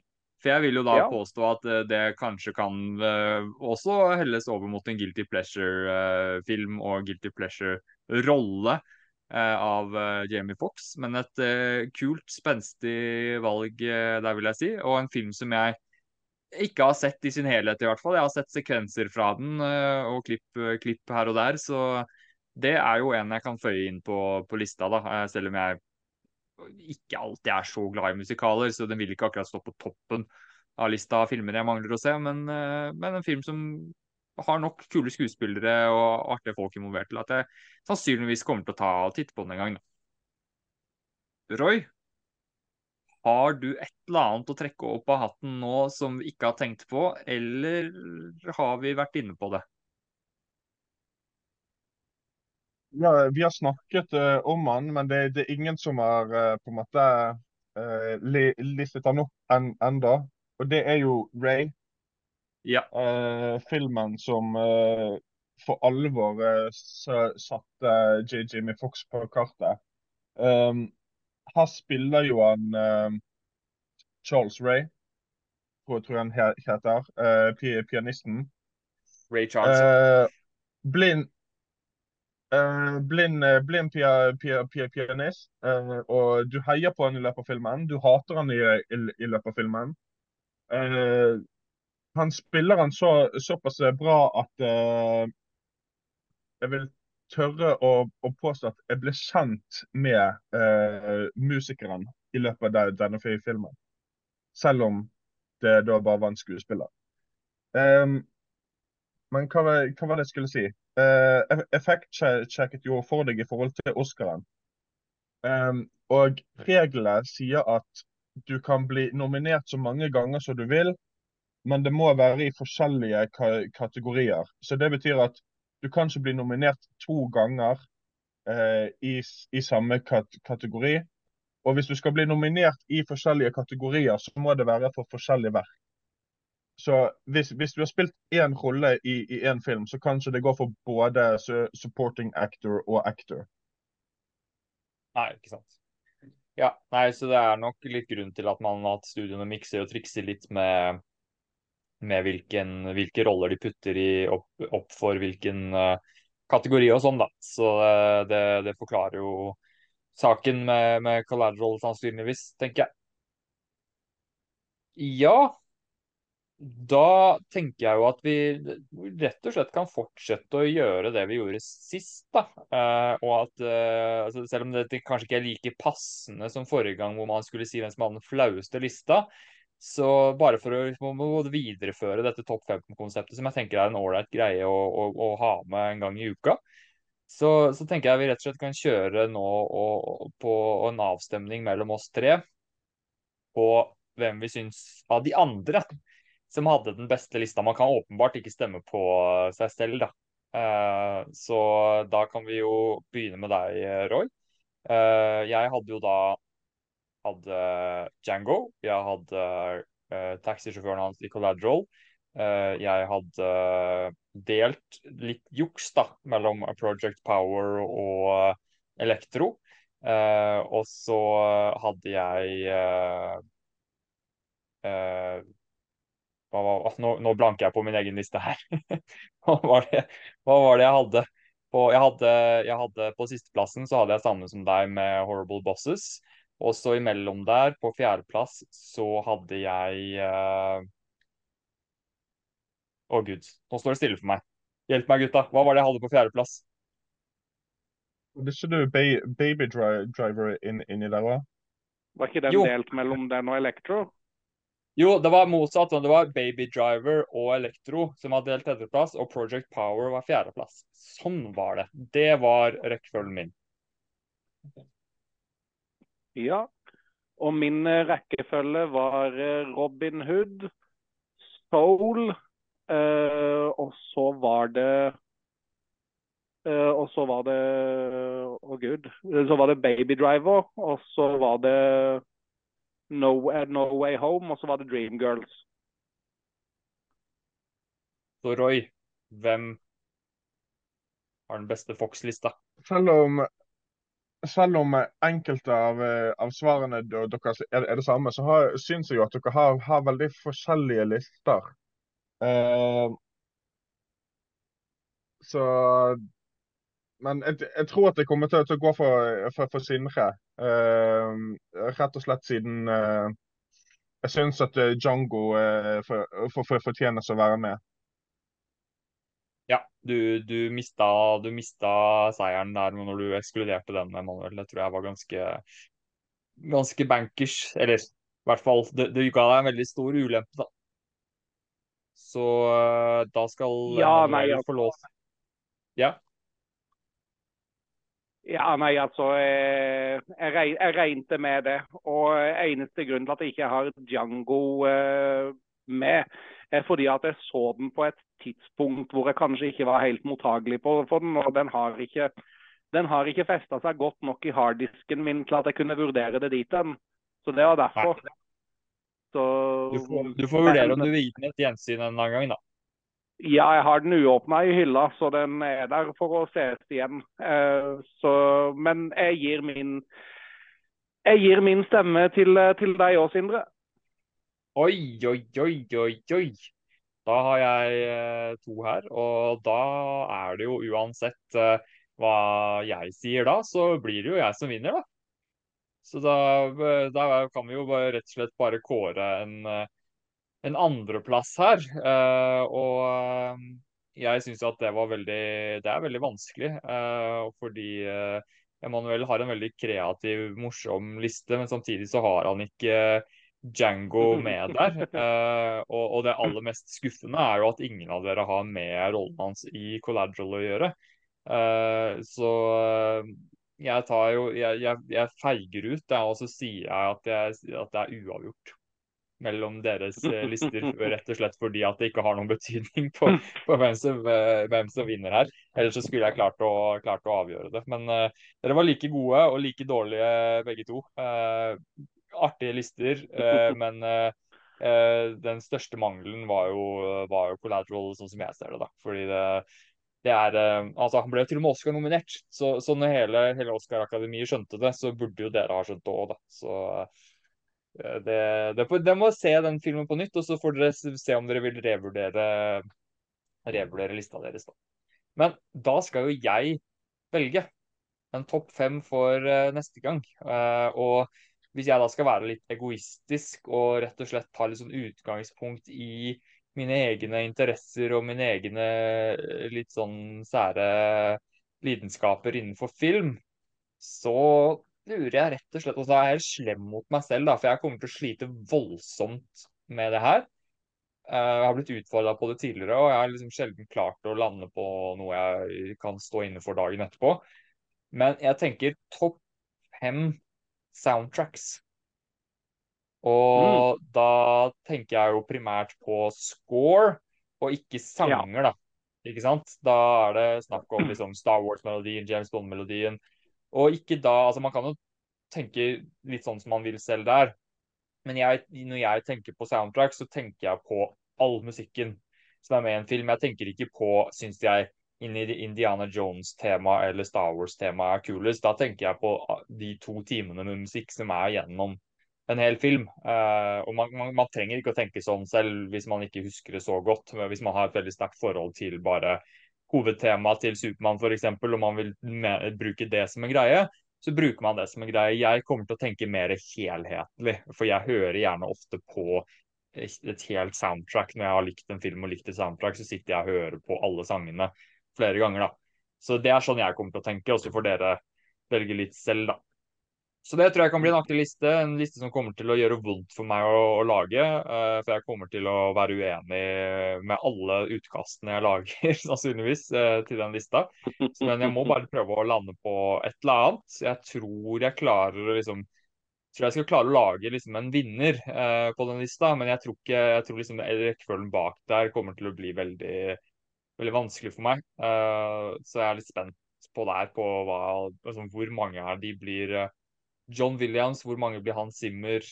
Må garantert være noe fra 'Ringenes herre' der òg, sikkert. Så det, det, kommer til å bli en skikkelig blodig kamp jeg må ta med her. Er dere, dere syns den er ålreit, eller dere tror vi klarer den, eller? Ja, den skal gå fint. Ja. Og til slutt her nå, så skal vi jo gjøre det vi pleier å gjøre. Vi skal ha noen uh, artige anbefalinger. Og det er jo så utrolig mye som går an å se nå på forskjellige plattformer. Så det vil vel aldri gå, gå tom for uh, ting vi kan prøve å, prøve å, anbefale og prøve å se, sånn som ting har blitt nå. Så det, Noen av anbefalingene blir jo veldig sånn basert på om man har den eller den Eh, streamingplattformen. Uh, så, så det, er jo, det, er jo, litt synd at det har blitt sånn at du må ha den subscription eller den, men det er sånn det er. Og det er relativt billig, så jeg tenker at hvis man anbefaler en film som er veldig kul, og man da må betale uh, liksom en, opp mot maks en hundrelapp da, for å, for å få en måned da, så vil det jo sannsynligvis være andre ting man kan se også. Så det er, det er litt sånn man må, må, tenke på det nå. Så må man, Om man leier en film eller et par filmer i gamle dager, så var det jo en hundrelapp for å, eller opp mot en hundrelapp for å leie seg to DVD-er på 7-Eleven, som jeg ofte gjorde en gang i uka, noen ganger to ganger i uka. Så er, man skal ikke klage for mye over at, eh, at, det har blitt litt sånn vanskelig og, og sånn. Eh, tilgjengeligheten er, er det kanskje det jeg sliter mest med. At det er en del ting som man ville hatt tilgjengelig tidligere, som er vanskeligere å få tak i nå, fordi det er knytta til den og den appen som uh, ikke kanskje Norge har helt tilgjengelig, og som man venter på at man får visse eller at vi, visse plattformer får license på ting og sånn. da. Så det, det, er den biten som jeg syns er frustrerende når man er inne på, inne på anbefalinger på forskjellige plattformer og sånn. Uh, og et godt eksempel på det, eh, som kanskje du la merke til òg, Emanuel. Fordi vi er jo veldig flinke til å snakke varmt om alle Rocky-filmene. Og eh, når de da hadde denne lanseringen med Rocky for Directors Cut, Rocky versus Drago som det ble kalt, så gledet jeg meg jo enormt til den i flere måneder. Og så, alt for, så vidt jeg vet, så fins den fortsatt ikke i Norge. Eh, og den hadde premiere i november i 2021 i resten av verden. Eller i hvert fall i Vesten. da. Uh, og den er mm. fortsatt ikke tilgjengelig på det norske markedet, men du kan finne den oppstykket i sekvenser på YouTube, så jeg endte desperat opp med å se den i litt dårlig kvalitet der til slutt. Uh, fordi jeg gadd ikke å vente mer, da. Uh, men nå avsporer jeg fullstendig igjen her. Men det, det, er den frustrerende biten, uh, syns jeg, da. Med sånn som ting har blitt. Men Desto viktigere er det da at vi har noen smarte karer som oss, som kan ha litt oversikt over ting og fortelle deg hva det er verdt å bruke pengene på og ikke, når det er så vanvittig mye å velge mellom. Så vanligvis så er det Emanuel som overrasker meg mest her. Så Roy, utfordring til deg. Kom, kan du komme med noe som er like spenstig og artig som eh, noen av de anbefalingene, eller i hvert fall man kan kalle eksotiske anbefalinger som Emanuel ofte kommer med her? Ja, jeg, jeg kan jo prøve, prøve men eh, akkurat denne uken da, så er det bare én ting til som jeg har sett utenom Oppenheimer og, og, Barbie, og det er nok ikke så veldig eksotisk. For eh, min, min, anbefaling eh, ligger på Sky Showtime og, eller anbefaling og, og, anbefaling. Det, det er iallfall en an, anmeldelse uh, av uh, Ambulance. Michael uh, Bay som har fått seg en drone og lager film basert på det. kan vi jo kalle den, den filmen. Storyen er, er, er ganske sy syltynn, men hvis du liker store shots og action og at ting skjer i høy fart, så kan du allikevel bli underholdt av denne filmen. Men for, for meg Ja. så, så ender den ikke på, på mer enn eh, 6,7, altså. Men den er gratis på uh, Sky Showtime nå? Ja. Jo, ja, men Det var en god anbefaling for meg, fordi jeg har fortsatt ikke sett den. Og jeg tror det kan være en artig film. Jeg liker jo Det er Jake Gyllenhaal, ikke sant? Ja. Jeg liker jo han eh, ganske godt. Og Michael Bay ha, altså, han kan være veldig underholdende. Når han ikke lager film om store roboter som sprenger hverandre, så er det ofte han er ganske underholdende. Og jeg hørte også litt sånn morsomme greier med det at den filmen her var Michael Bay sitt sånn droneeksperiment hvor han endelig hadde funnet ut hvor gøy det var, og så bare drev han med masse droneshots som på, pågikk altfor lenge, ifølge noen. da, Men uh, hørt at den er ganske underholdende. Så god, takk for anbefalingen, fordi jeg har tenkt flere ganger på å se den, men så har jeg tenkt at det er noe jeg har lyst til å bruke penger på. Men jeg betaler jo allerede for Sky Showtime, så takk for at du gjorde meg oppmerksom på det. Kanskje jeg til og med uh, ser den uh, allerede i kveld med foreldrene mine på, her på hytta, fordi vi driver stadig vekk og driver og roter for å bli enige om hva vi skal se på. Det er sånn type film som både moren og faren min kan synes være artig. Så takk for den. Og det var egentlig en veldig fin overgang, fordi eh, vi så, jeg så en film med en kompis eh, og med, med, moren min her på hytta i går sent på kvelden, eh, som også var med Jake Gyllenhaal. På den appen som nå surrer jeg, det er så mange apper her. Hvor var det du så den? Vi så den på Amazon Prime. Og det var en veldig brutal krigsfilm som kom for egentlig for et par måneder siden, tror jeg. Som heter uh, The Covenant. Uh, som er regissert av Guy Ritchie. Har dere fått med dere den filmen? Eller hørt om den filmen, gutta? Ja. Han han, han, men ikke sett den? Dere har ikke sett den? Fordi Nei. det var en film som vi drev og bladde gjennom, og så så vi liksom på de forskjellige filmer. Jeg pleier å være liksom kvalitetsbevisst når det er så mye å velge mellom at jeg har ikke lyst til å sette på noe liksom en sånn B-film som har 4,3 rating på IMDb og 17% på Rotten Tomatoes. Så når jeg skulle vurdere om vi skulle se den eller ikke, så gikk jo jeg rett inn på Rotten Tomatoes for å sjekke scoren der. Og det var det som overbeviste meg å se den, for jeg hadde jo så vidt hørt om filmen. Men jeg hadde ikke fått med meg at den hadde fått såpass god mottagelse som uh, den fikk. Og den hadde jo da uh, Kan jeg gå og sjekke her, da, men hvis jeg, hvis jeg ikke husker feil, så hadde den mellom 80-90 fra kritikerne. Og så hadde den uh, enda høyere fra publikum, og den hadde en average rating, tror jeg, på eh, 4,8 eh, fra publikum.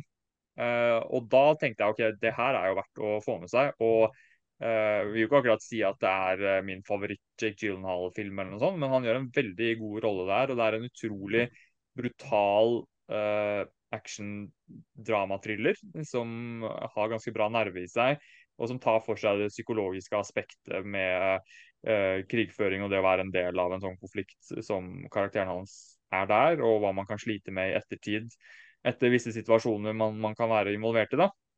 Så det, Jeg pleier ikke å like krigsfilmer så veldig godt, men det var uh, veldig vellaget, det. Guy Ritchie har grep om mange sjangere, som jeg lo litt av. Nevnte for kompisen min at dette var da filmen som han valgte å lage liksom mellom å regissere Aladdin og Hercules. Og det er litt artig, syns jeg. Uh, ja, Roy rekker opp hånda. Vil, vil bare legge til at I og med at han har 98 audience score på Rotten Tomatoes, og at det er en Ja. streamingfilm, så betyr Ja. jo det at hvem som helst kan stemme på han. Eh, Det er ikke bare ja, er de som har eh, kjøpt eh, kinobilletten. Og når Mm. han da er så høyt, det, det, det er ganske uvanlig. Tar man Peter Pan og Wendy fra Disney Pluss som et annet Ja. eksempel, så er jo det differansen på de ca. 80-90 pro, pro, prosent. Ja, ikke sant. Er, er, man må jo alltid ta det da med en klype salt. Fordi hvem som helst kan stemme, og man kan ha forskjellige agendaer og grunner til å stemme på en film. Uh, og det er ikke alltid nødvendigvis det er mennesker som stemmer heller, men jeg tenker at når også uh, kritikerscoren er såpass høy, så gir det litt mer kredibilitet til at den scoren er litt legit. Og den har jo også en ganske bra rating på IMDb, så det var nok sannsynligvis en film som de fleste som har sett den, faktisk likte den ganske godt. Det tenker jeg, da. Eh, men, men det kan jo åpenbart være noen politiske Oi, sorry. Da kom Esbjørn. Det kommer en gang, minst én gang hver gang nå. Det kan være noen politiske, nasjonalistiske grunner her òg. Altså en film som handler om USAs krigføring i Afghanistan og sånne ting. Så selvfølgelig kan det være noen noen ting her som spiller inn på, på publikum sin, sin, vurdering her. Da. Det er umulig å, vite når systemet er sånn som det er. Da. Men uh, uansett, en, uh, en, god film som anbefales, i hvert fall hvis man liker litt den type filmer. Da. Men, men vær forsiktig, for det er en veldig brutal film. Eh, så det er ikke noe du skal sette på når det er folk under 14-15 minst. da. Jeg tror ikke det, det, Man skal være i riktig type humør for å se den også. Veldig, veldig mørk og brutal eh, krigsfilm. Da går vi over på den jeg vil kalle mesteren av uh, anbefalinger. Så langt, i hvert fall. Så er du på, på toppen. Så får vi se om vi klarer å nå opp etter hvert. Ja, nei, det jeg tror nok ikke er så veldig spennende i dag. Kanskje, kanskje ikke. Jeg tror ikke det. Men uh, vi skal på Netflix, og vi skal på serier. Vi mm. til, uh, vi skal til superhelter. Eh, vi skal til eh, DC. Eh, det ligger på Netflix nå siste sesong av Titans, i tillegg til de tre første det er veldig fort gjort å tenke Teen Titans Go, holdt jeg på å si hvis, når jeg sier Titans. Men dette her er en mye mer moden versjon av Teen Titans med litt større, litt mer, litt mer, vold, litt grovere språkbruk. Og det har til og med forekommet nakenhet i denne serien. Fjerde sesongen, fjerde sesongen ble, byr på litt multivers underveis, og litt crossover med Doom Patrol, som er òg en litt mer moden serie. Så Titans er en serie jeg vil anbefale folk å sjekke ut. Selv om de kanskje tenker på Teen Titans Go, så kan det overhodet ikke sammenlignes, for å si det sånn. Nei, jeg mener å huske at jeg har sett starten av den serien for lenge, lenge siden. Hva er det som er premisset der igjen? Premisset er jo i første sesongen er jo at eh, Dick Grayson, den første Robin, har eh, stukket holdt jeg på å si, eh, fra Gotham og jobber som politimann i Detroit. Og så jobber han litt som vigilante på kvelden. Og så får han da med seg litt andre ungdommer og litt sånn Raven, uh, Gar, Beast Boy, uh, litt sånne ting som det er der. Og så, ja. De blir et, de blir et team kan du si. Med forskjellige karakterer underveis som byttes ut i løpet av sesongene. Altså Tre varianter av Robin har vært innom det, tema, innom det teamet. Og jeg tror, det, jeg tror den serien der, som har kjørt ganske hardt på Dick Grayson, Jason Todd og Tim Drake, er årsaken til at ikke de fikk eh, godkjennelse for å bruke de tre karakterene i Gotham Nights og at de måtte finne på en ny karakter for å være sønnen til Bruce Wayne. All right. Ja, det var info jeg ikke hadde fått med meg. Men uh, jeg mener husk at jeg likte ganske godt det. Jeg husker ikke om jeg så én eller to episoder, men igjen så liksom forsvant den inn i en suppe med så utrolig mange ting jeg prøvde å se på på en gang, så jeg endte aldri opp med å, med å fortsette. Men også, det er en god påminnelse til en serie som jeg som var ålreit nok i det lille jeg så til at jeg absolutt kan tenke meg å se videre. Og der, der, har man en ordentlig avslutning. ikke sant? Det er ikke sånn at det plutselig ble kansellert og, det, og historietrådene bare henger i lufta. Jeg har ikke kommet til siste episoden, episoden ennå.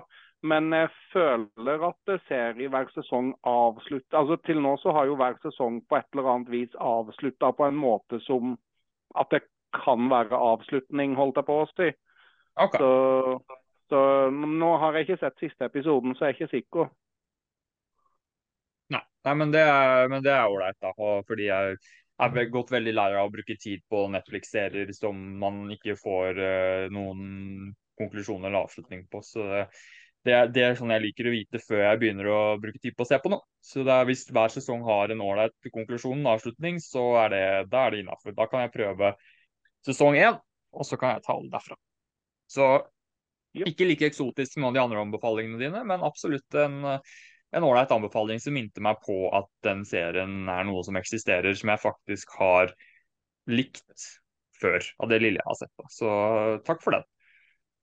OK, gutta. Da er vi vel liksom ferdig for denne gangen. Litt sånn trist å være ferdig med liksom Oppenheimer Barbie-hypet, da. Det har jo eh, dratt oss gjennom eh, eh, den starten av sommeren her og tatt mye oppmerksomhet, så nå må vi jo finne noe annet å le av enn en den eh, duellen der. Vi skal sikkert klare å, klare å finne noen eh, ting. da.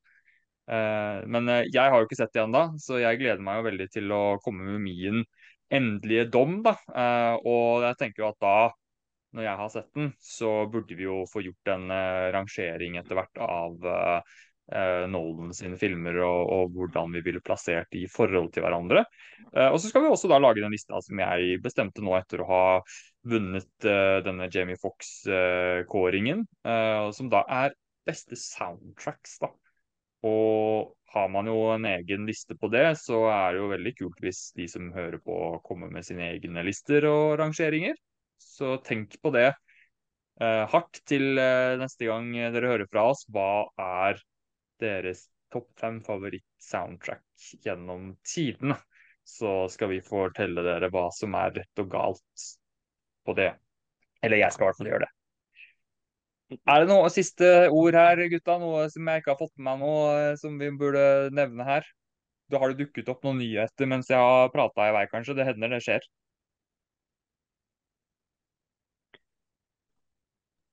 Ikke noe annet enn at eh, vi legger jo august, nei, vi legger jo juli bak oss eh, nå ganske snart. Og så går vi inn i en august måned som òg består av ganske mange kule filmer som kommer i august. Som bl.a. en eh, Ninja Turtles-film. Vi får en eh, ja, en ny spillfilm med Gran Turismo i august. Vi får The Meg 2, som jeg vet at eh, Sindre ser veldig frem til. Vi får en hundefilm som ser gøy ut. Så vi nærmer oss en veldig spennende måned. Så jeg ser frem til å prate om augustfilmene, for å si det sånn. Blue Beetle. Ja, det er nok av eh, spennende ting som kommer fremover, så vi kommer ikke til å gå tom for materiale å spille om eh, og snakke om her. Det er ikke noe tvil om. Roy har opp eh, fingeren, får vi si, på, på slutten her. Siden, siden vi bare begynte nå å, å nevne filmer i august, så vil jeg også trekke fram uh, Talk to Me, som, som er en uh, A24-skrekkfilm. Uh, og The Last Voyage of uh, Ja. Demeter, som, eh, som da er en Dracula-film. Ja, Regissert av norsk regissør. Norsk regissør. Litt annerledes enn eh, enn Renfield, kanskje? Ja, litt mer seriøst. Men uh, steike, det virker dritbra. En sånn siste ting som ikke har ikke knytta til noen av de tingene vi har pratet om nå i det hele tatt, som bare Jeg bare syns det var så teit. Eh, og dette er jo egentlig en podkast hvor vi kan i teorien snakke om akkurat hva vi vil, selv om vi prøver å være litt sånn dagsaktuelle. Jeg bare klarte ikke, klarer ikke å legge det fra meg. Jeg posta det i gruppa i går. Jeg vet ikke om Emanuel eh, rakk å titte på det. Men jeg kom over en, eh, en liste fra en relativt stor side. Jeg, nå husker jeg ikke helt hvilken det var, for jeg er innom så mange. Men det var noen som da hadde rangert alle motstanderne i Rocky og i Creed-filmene. Og de som har fulgt med litt, vet jo hvor glad jeg og for så vidt Emanuel også er i de filmene. Og jeg bare syns det var så dust. Den lista var så dust. Har du, Titta du på den, Emanuel? Nja Gjorde vel det. Nei, men i hvert fall, jeg skal ikke bruke mye tid på det, men det, det fikk meg til å tenke at det er også en, eh, et eh, tema vi kan ta tak i, i og med at eh, vi har fått Creed 3 i år. Vi pratet mye om det tidligere, og vi vet vi får mer. Så jeg har veldig lyst til å, til å gjøre en sånn eh, type rangering av både filmene og karakter, for så vidt kan, kan gjøre karakterer og sånn der ranking av bokserne og sånn. Det kunne også vært gøy, men, men jeg, bare, jeg klarte ikke å ikke nevne det. Hvor blir det ha din mening om det, om den lista der? Fordi de hadde da tatt uh, han herre uh, fra Wheeler, nei ikke Wheeler, men han her eh, britiske bokseren fra, fra Creed-filmene som han eh, slår i starten av Creed 3. og de hadde rangert han over både Clubber Lang og Ivan Drago som den sterkeste motstanderen i alle Rocky og Creed-filmene. Uh, og det, det, for meg var så, så, dust at jeg bare jeg kunne ikke legge det fra meg. Så jeg var nødt til å nevne det her og, og få deg til å, til å, kommentere på det, du også. Ja, jeg var inne, inne og ser på det nå. Det er jo ja. helt uh, Det er jo helt, uh, det er jo helt dust. Altså Starten av lista er grei, liksom, men når du kommer ned til topp fem, topp fire, topp fem, så er det, er det mye rart, altså. Ja, det var veldig òg, altså. Kjære tid. Her er det jo mye som ikke gir mening. Det Spørsmålet er om han har lagd en lista sånn bare fordi det skal bare være kontroversiell. For å ikke gjøre det åpenbare. Det kan jo være, altså For meg så virker det jo åpenbart at de tre klassiske Rocky bad guysa uh, burde være topp tre, da, med, med Crubber Lang og, og Even Drago og Apollo Creed. Og så kan man diskutere uh, hytt og pine hvem som skulle være i hvilken rekkefølge der, og så kommer alt annet etter der, da. Det tenker jeg det er jo det mest sånn logiske hvis man har sett de filmene et par ganger. Men uh, har man lyst til å være kontroversiell, så er jo det en fin måte å gjøre det på. da, Og putte de litt sånn nedover. Så jeg vet ikke om det var det han prøvde på der, men mm. fryktelig teit liste i hvert fall. Synes jeg. Hvilken side var det igjen, nå som ja. du er inne på den? Screen Rant. Screen Rant var det, ok greit. Ja, da, man kan, man, ja. Da kan man titte på den hvis man vil, og så kan man skrive en kommentar på hvor teit den lista er. Fordi det var, det var håpløst.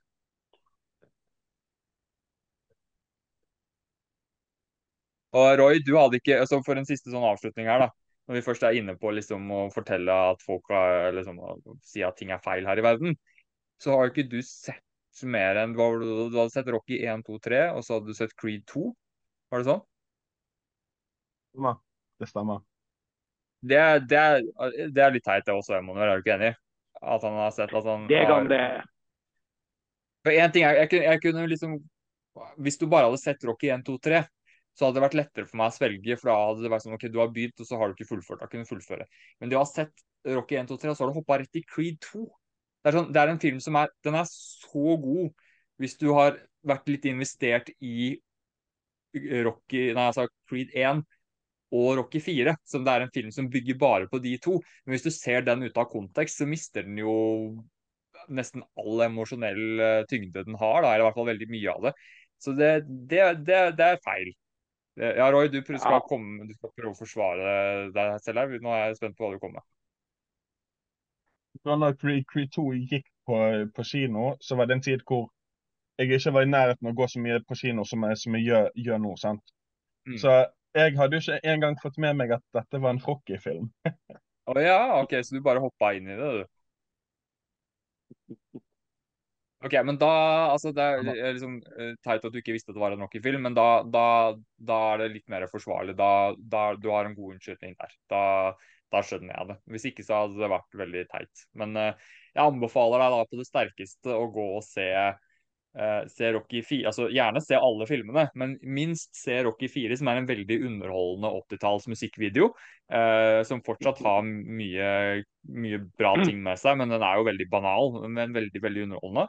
Uh, og så gå inn i Creed-filmene på nytt og se Creed 1, 2 og 3. Uh, eh, og så Hvis du orker, så se gjerne Rocky 5 og 6. og Spesielt 6-eren er også veldig god. og Du får mye mer forståelse for Rocky-karakteren og hvor han er når Creed møter han i, i den første Creed-filmen. Så det er absolutt verdt det, det òg. Men i hvert fall den der sammenhengen mellom Rocky 4, som har veldig stor innvirkning på hele Creed-franchisen. Jeg vet ikke om du du, du, skjønte vel kanskje hvorfor i, når du så Creed 2? Hvorfor det er viktig? Eller husker du ikke det? Jo, jeg, jeg skjønte jo det at, eh, at godeste Dolph Lundgren har, har vært med tid, tidligere. Ok, men du skjønte ikke hvorfor Du husker ikke hvorfor det var så relevant for Creed-karakteren? Det er handlingen i, i Rocky 4? Uh, nei. Nei, ok, men da skal du få lov til å oppdage det selv. Så noterer jeg det. Rocky 4, Creed 1, Creed 2, Creed 3. Hvis du vil, så legg inn Rocky 5 og 6 òg, men det er liksom minimum, minimumskravet fra meg og Emanuel også. Så du, du, kan få lov til å bruke den tiden på det du vil, men, men, du må komme deg gjennom det på et eller annet tidspunkt. Eh, jeg, jeg kan også bare legge til, for, for nå gjorde jeg et uh, kjapt Google-søk. og Hvis du som hører på da vil se de her Rocky-filmene, så i hvert fall fire til seks ligger nå da på Amazon Prime. Mm. Det, er, eh, det er bra. Og så ligger jeg så, nylig, jeg så nylig de andre filmene på en app. Men hvilken app var det? Nå husker jeg. Var det, er, er det var bare fire til seks som lå på, på, Amazon, var det det? Uh, det? det? er bare de jeg har fått sjekket nå. Creed ligger der òg. Ja, det vet jeg. Og Creed 2. Og Creed 3. Ja, være relativt lett tilgjengelig på streaming uh, i Norge. Uh, I hvert fall nylig når jeg så gjennom Jeg har sett gjennom alle i to ganger, faktisk, i 2023. Uh, eh, og da var det relativt lett å finne alle sammen.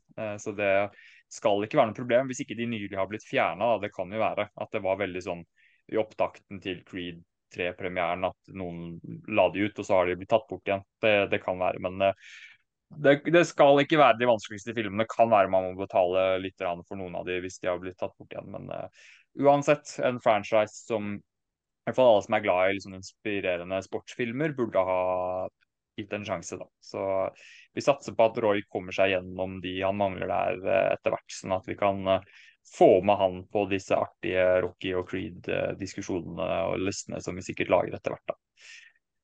OK, da er vi vel ferdig for denne gangen, selv om jeg gjerne kunne sittet her i en time til og bare snakket om uh, Rocky-filmene. Så får vi spare det til en annen gang. Emanuel, takk for uh, bidraget ditt som alltid. Veldig kult nå at vi er i gang med podkast. Så vi uh, håper at folk prøver å lytte der, så vel som å titte på de tingene vi lager på YouTube, og vi lager litt kortere ting. Og takk til deg, Roy, også for denne gangen. Det er kult at dere er med såpass fast som dere er nå. Og dere kommer også til å høre fra Olaf og Eline igjen eh, ganske snart. Og så har vi en liten gruppe med folk eh, på vent her som også skal forhåpentligvis involvere seg snart. Så hvis dere lytter på nå, så er det bare å gi beskjed når dere er klare for å bidra. Og hvis det er andre som lytter på nå, som har lyst til å prøve å snakke om TV og film som føler de har noe å komme med, kan være innenfor en spesiell franchise eller serie. Hvis det bare er f.eks. Marvel dere har lyst til å prate om, eller Star Wars eller lignende, så send meg en melding enten på YouTube-siden Jurassic Starlords, eller send meg en privatmelding på Facebook. Jeg heter Sindre Teslo Kaldal. Vi er veldig åpne for å få med nye folk med nye meninger. Og neste gang nå vi prater, så er Secret Invasion ferdig. Så det blir i hvert fall tema for neste gang. Det blir veldig spennende. Og jeg regner med at dere kommer til å ha ganske mye meninger og følelser eh, rundt den serien som helhet, så jeg gleder meg veldig til å diskutere med dere gutta. Da sier vi takk for nå, og så prates vi igjen om noen få dager.